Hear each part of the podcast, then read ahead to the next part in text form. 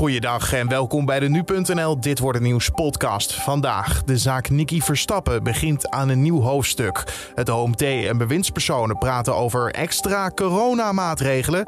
En Kamervoorzitter Bergkamp wil tempo in de kabinetsformatie. Dat zo eerst kort het nieuws van nu. Mijn naam is Carne van der Brink en het is vandaag woensdag 10 november. Gevaccineerde 61 tot 65-jarigen hebben de minste antistoffen tegen corona. Dat zei een arts-microbioloog van bloedbank Sanquin gisteravond bij op 1. Volgens hem komt dat door het vaccin wat ze hebben gekregen. Ik vermoed, dat moet bijna wel, want die hebben als enige het Astra-vaccin gehad. Dus dat lijkt dat dat een vaccin is wat wat minder goede, hoge antistoffen geeft dan de RNA-vaccins. Volgens bloedbank Sanquin hebben de jongste bloeddonoren bijna acht keer meer antistoffen dan deze groep. En zelfs de groep die ouder is en zich eerder kon laten vaccineren, heeft meer antistoffen. In Papendrecht is gisteravond een man neergestoken in een woning. Bij zijn vluchtpoging sprong hij vervolgens van de derde verdieping van een galerijflat. De man is naar het ziekenhuis gebracht, maar is buiten levensgevaar. Rijmond schrijft dat de man probeerde weg te komen van zijn aanvaller door naar buiten te springen. De verdachte vluchtte na de steekpartij. De politie heeft nog niemand kunnen aanhouden en is bezig met het onderzoek. En de politie zoekt naar een belangrijke getuige in de Mallorca-zaak. Dat heeft de politie gisteravond bekendgemaakt in opsporing verzocht. Het gaat om een jongen die de mishandeling zou hebben gefilmd. Het lijkt alsof hij vlakbij heeft gestaan op het moment dat het gebeurde. En we willen niet alleen horen wat hij heeft gezien, maar ook vooral horen wat hij misschien heeft gefilmd. Voor de gouden tip is er een beloning van 15.000 euro. Voor de fatale mishandeling van Carlo Heuvelman zitten nog vijf verdachten vast. En alle nieuwe vrachtwagens en bussen die vanaf 2040 worden verkocht, moeten op schone energie rijden. Het is een initiatief van Nederland op de klimaattop van Glasgow. Deze wordt gesteund door landen zoals het Verenigd Koninkrijk en Canada, maar ook door grote bedrijven zoals IKEA en Amazon. In 2050 moet de uitstoot van broeikasgassen nul zijn. En het ministerie van Infrastructuur en Waterstaat ziet dit plan dan ook als een mooie stap om deze doelstelling te halen. Dan over naar de dag van vandaag. En we beginnen met de zaak Niki Verstappen. Want vandaag is in Den Bosch de eerste dag van de inhoudelijke behandeling van het hoger beroep. Jos B. werd eerder door de rechtbank veroordeeld tot 12,5 jaar cel. Voor onder meer gekwalificeerde doodslag en seksueel misbruik van het 11-jarige jongetje.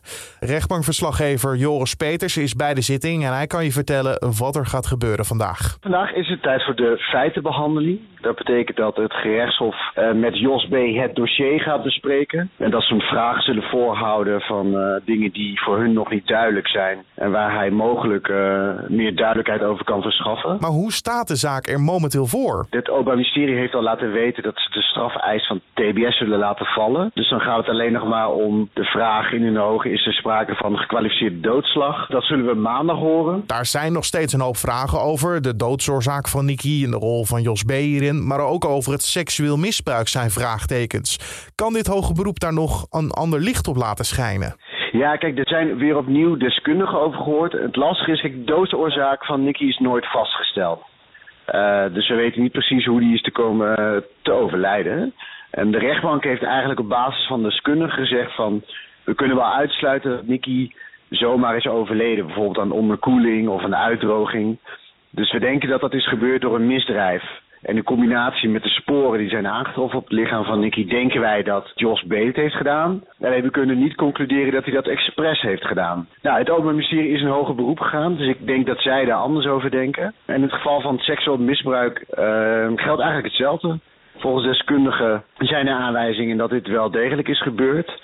Uh, en de rechtbank heeft het ook gevolgd. De vraag is nu uh, of de Hof dat ook gaat doen. Er zijn uh, drie medische specialisten voor, waaronder de patholoog die sectie verrichtte op het lichaam van Nikki.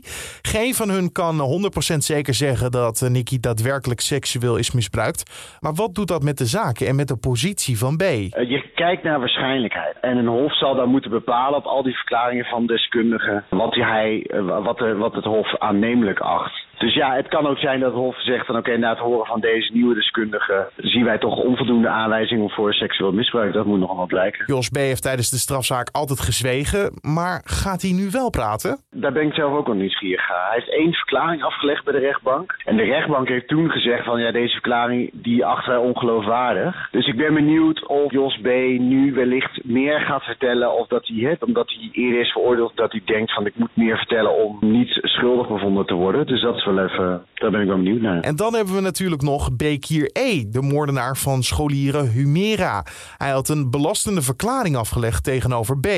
Wat gaat het Hof met hem doen? Het Openbaar Ministerie moet überhaupt nog laten weten of zij iets gaan doen met die verklaring van Bekir E. Dat zullen zij doen op maandag als het requisitor wordt gehouden en ook de strafeis wordt uitgesproken. Ja, Jos B. heeft er eigenlijk over gezegd dat het allemaal klinkklare onzin is, wat Bekir E. heeft gezegd. Je hoorde rechtbankverslaggever Joris Peters. En voor de inhoudelijke behandeling worden vijf dagen uitgetrokken.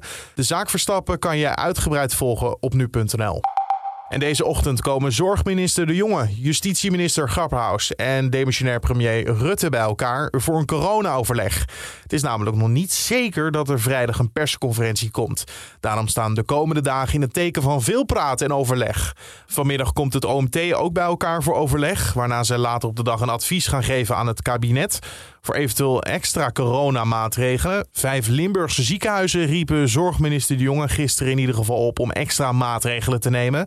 Zij sloegen in een gezamenlijke verklaring alarm omdat er geen plek meer is voor coronapatiënten. Ja, en naast alle corona-verhalen moet er ook nog steeds een nieuw kabinet gevormd worden. Vandaag komen de informateurs langs bij Kamervoorzitter Bergkamp. Het heeft na bijna 300 dagen zonder functionerend kabinet lang genoeg geduurd. En daarom heeft zij in een brief aan de informateurs laten weten dat er haast gemaakt moet worden. En volgens Bergkamp begint het geduld in de samenleving op te raken om te wachten op een nieuwe regering. Ook vraagt zij de informateurs de Kamer uit te leggen hoeveel tijd ze nog nodig denken te hebben om tot een conclusie te komen. De formerende partijen, VVD, D66, CDA en ChristenUnie, spraken de afgelopen weken met elkaar over een nieuw kabinet. Bronnen aan RTL Nieuws zeggen dat er volgende week misschien een coalitieakkoord wordt gesloten. Dan over naar het weer. Wat het gaat worden hoor je van Roosmarijn Knol van Weerplaza. Vandaag bestaat het weerbeeld uit een tweedeling tussen het noorden en zuiden van het land. In het noorden is meer bewolking aanwezig en kan ook af en toe een spatje regen vallen. In het midden en zuiden blijft het droog en is de zon ook geregeld te zien. Na een frisse ochtend warmt het in de middag op naar een graad of 11 en dat is een hele gemiddelde temperatuur voor de tijd van het jaar. De wind komt uit het zuiden en is zwak tot matig van kracht. In de avond blijft die bewolking voornamelijk over het noorden aanwezig en kan het in het zuiden en oosten weer behoorlijk opklaren en afkoelen. Dankjewel Roosmarijn Knol van Weerplaza. Tot zover deze Dit Wordt Het Nieuws podcast voor de woensdag. Dankjewel voor het luisteren. En natuurlijk eh, vergeet je niet te abonneren in je favoriete podcast app. Spotify, Apple Podcast, Google Podcast. Als je hem op dit moment beluistert via de website van ons. Eh, je kan je gewoon gratis abonneren en zo mis je geen aflevering. Wel zo makkelijk. Mijn naam is Carne Verbrink. Bedankt voor het luisteren nogmaals. En een fijne dag.